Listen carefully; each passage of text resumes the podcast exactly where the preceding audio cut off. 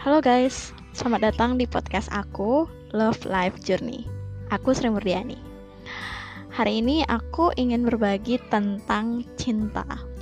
Oke, okay, topik ini sebenarnya kayaknya banyak banget orang yang tertarik tentang cinta dan hal ini pasti pernah terjadi setiap orang hampir di setiap hari kehidupan kalian. Dan bohong deh, kalian pasti pernah ngerasain yang namanya cinta kan. Tapi bentar dulu deh, kita diskusi dikit. Cinta itu apa sih sebenarnya? Perasaan seperti butterfly on your stomach? Atau kamu gak bisa lupain seseorang yang kamu terus ingat setiap tidur, setiap mimpi kamu dia muncul? Atau perasaan berbunga-bunga dan berdebar-debar ketika ketemu seseorang yang kamu suka? Apakah seperti itu definisi cinta buat kalian? Well, I've been there. Aku pernah di posisi itu. Aku ngerasa cinta itu adalah sesuatu yang ngebuat kita tuh tertarik. Terus suka banget sama hal itu. Uh, ada perasaan berbunga-bunga, kayak ada butterfly on your stomach. Terus ngerasa nggak bisa tidur, aku dulu berpikir cinta itu seperti itu sejak SD, SMP, SMA, bahkan sampai kuliah. Nggak ada benar-benar orang yang ngasih tahu aku sebenarnya cinta itu apa sih? Apa sih yang kita rasain kalau kita jatuh cinta? Hal apa sih yang buat kita jatuh cinta? Ya, tiap orang punya definisi cinta yang berbeda-beda. Tapi akhirnya di tahun 2018 awal, kalau nggak salah ya akhir tahun 2018 aku secara nggak sengaja nemuin thread di Twitter melalui akunnya Mbak Kania Cita Irlani. Kalau kalian tahu Kania Cita Irlani itu adalah istrinya Bang Sabda, foundernya Zenius. Kalau kalian nah Zenius, ya setidaknya tau lah siapa Bang Sabda itu ya. Ya nggak semua orang tahu sih, at least ya. Dia cewek yang kece, cantik banget dan cantik luar dalam pikirannya tuh benar-benar open minded banget deh. Aku suka banget sama dia. Dan waktu itu aku obses sama dia. Ya sekalinya aku obses sama seseorang aku tuh bakalan scroll down terus cari tahu lebih dalam tentang orang itu. Stalking lah. Aku tuh stalking nomor satu lah kalau udah tertarik banget sama orangnya. Dan itu pun yang aku lakukan ketika aku tertarik sama Mbak Kania. Aku buka profilnya dia di IG di LinkedIn LinkedIn apa sih dibaca? LinkedIn? Ya itulah tempat cari kerja itu. Aku lihat dia dari mana lulusan apa dan akhirnya aku nemu thread twitternya yang secara nggak langsung dia nge-mention seseorang yang namanya Kay Safari. Nah Kay Safari ini aku klik kok menarik kayaknya deh. Dia mention mention tentang kelas cinta. Nah di sana aku kayak kelas cinta? Emang ada ya? Apa sih? Ngebahas apa sih sebenarnya kelas cinta ini akhirnya aku baca threadnya dan semua tweet-tweetnya oke dan ajib. Amazing banget. Mind blowing banget. Semua pertanyaan yang aku tanyakan terhadap diriku sendiri dan aku coba cari tahu jawabannya melalui orang-orang di sekitarku dijawab secara tuntas dan belak-belakan di akunnya Koke dan juga di akunnya kelas cinta. Akhirnya aku dari koke aku berangkat ke kelas cinta akhirnya ke lovable ladies ke Hitman System ke Lex de Praxis terus ke Jet Fit Live dan websitenya kelas cinta. Dan kayak oh my god I cannot stop myself to learn about cinta. Aku kayak benar-benar oh my god ini yang aku cari. Ini yang aku pingin tahu dari kemarin dan akhirnya aku sampai ke satu post yang akhirnya uh, ngebahas tentang sebenarnya cinta itu apa. Oke okay, berdasarkan definisi yang dibuat oleh kelas cinta oleh Lex de Praxis dan kelas cinta ini berbasis science by the way psychological science uh, love relationship marriage and so on. Aku dapat di sana kalau bilang kok Lex bilang kalau cinta itu adalah hasil investasi Oke, okay.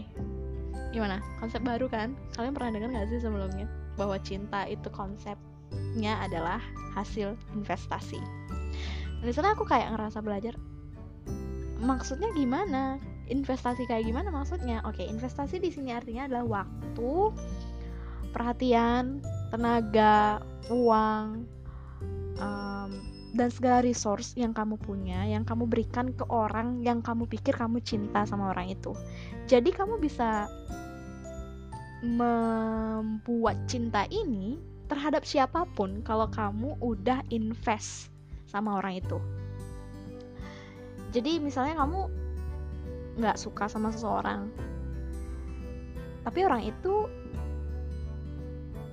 oh ya gimana gini gini misalnya kamu nggak suka sama seseorang orang itu terus-terusan ngasih kamu hadiah perhatian ke kamu. Ya jelas-jelas dia cinta dong sama kamu. Dia dia tertarik dan pingin kenal lebih lanjut sama kamu. Hadiah perhatian nanyain kabarin chat dan ya dia pay attention lah di semua hal yang kamu lakukan. Sementara kamu nggak suka. Sebenarnya rasa nggak suka ini bisa kamu kembangkan menjadi cinta dengan cara yang sama seperti dia lakukan.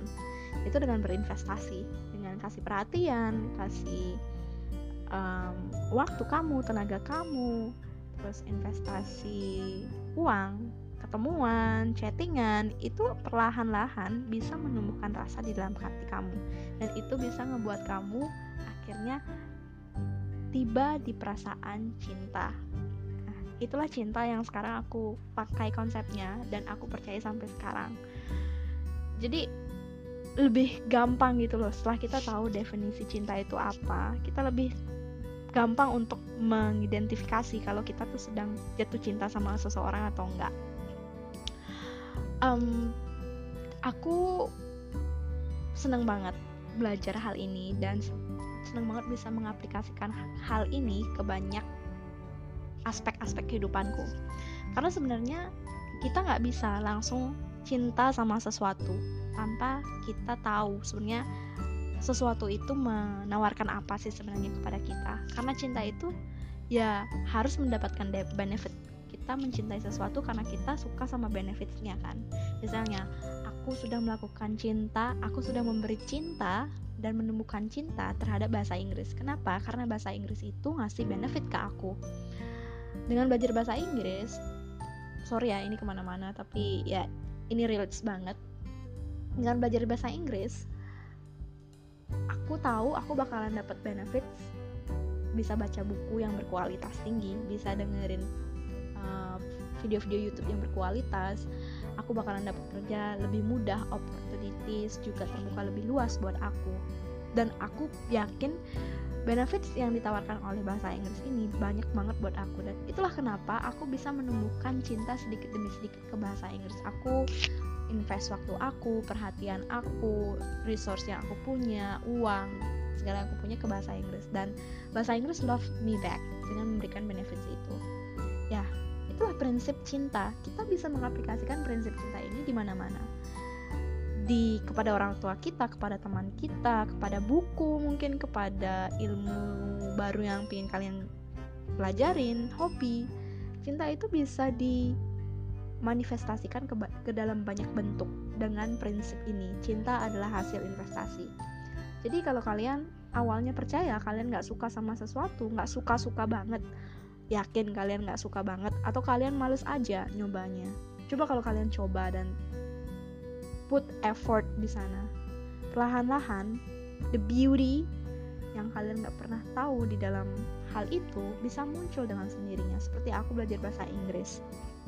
Dalam bahasa Inggris ini aku benar-benar benci sama bahasa Inggris karena aku selalu bertanya-tanya ngapain sih kita belajar bahasa baru lagi? Kita udah punya bahasa Indonesia kita udah punya bahasa Bali. In case aku Balinese ngapain lagi kita belajar bahasa orang? Buat dapat coba. Tapi dari hate itu setelah aku kenal bahasa Inggris itu siapa benefitsnya buat aku apa yang ditaruhkan dia itu apa perlahan-lahan aku bisa menemukan cinta terhadap bahasa Inggris ini. Dan ini juga prinsip yang sama yang bisa diperlakukan ke orang lain. So jadi teman-teman aku harap kalian bisa nangkep sih sekarang cinta itu apa dan kalian bisa ngerasa apa yang aku rasain. Aku harap kayak gitu untuk episode kali ini aku kira cukup sampai di sana cukup singkat tentang cinta recapnya adalah cinta adalah hasil investasi dan kalian bisa menginvestasikan resource yang kalian punya ke apa pun dan mendapatkan cinta dari hal itu. So, teman-teman, thank you for listening. See you soon in next episode. Bye bye.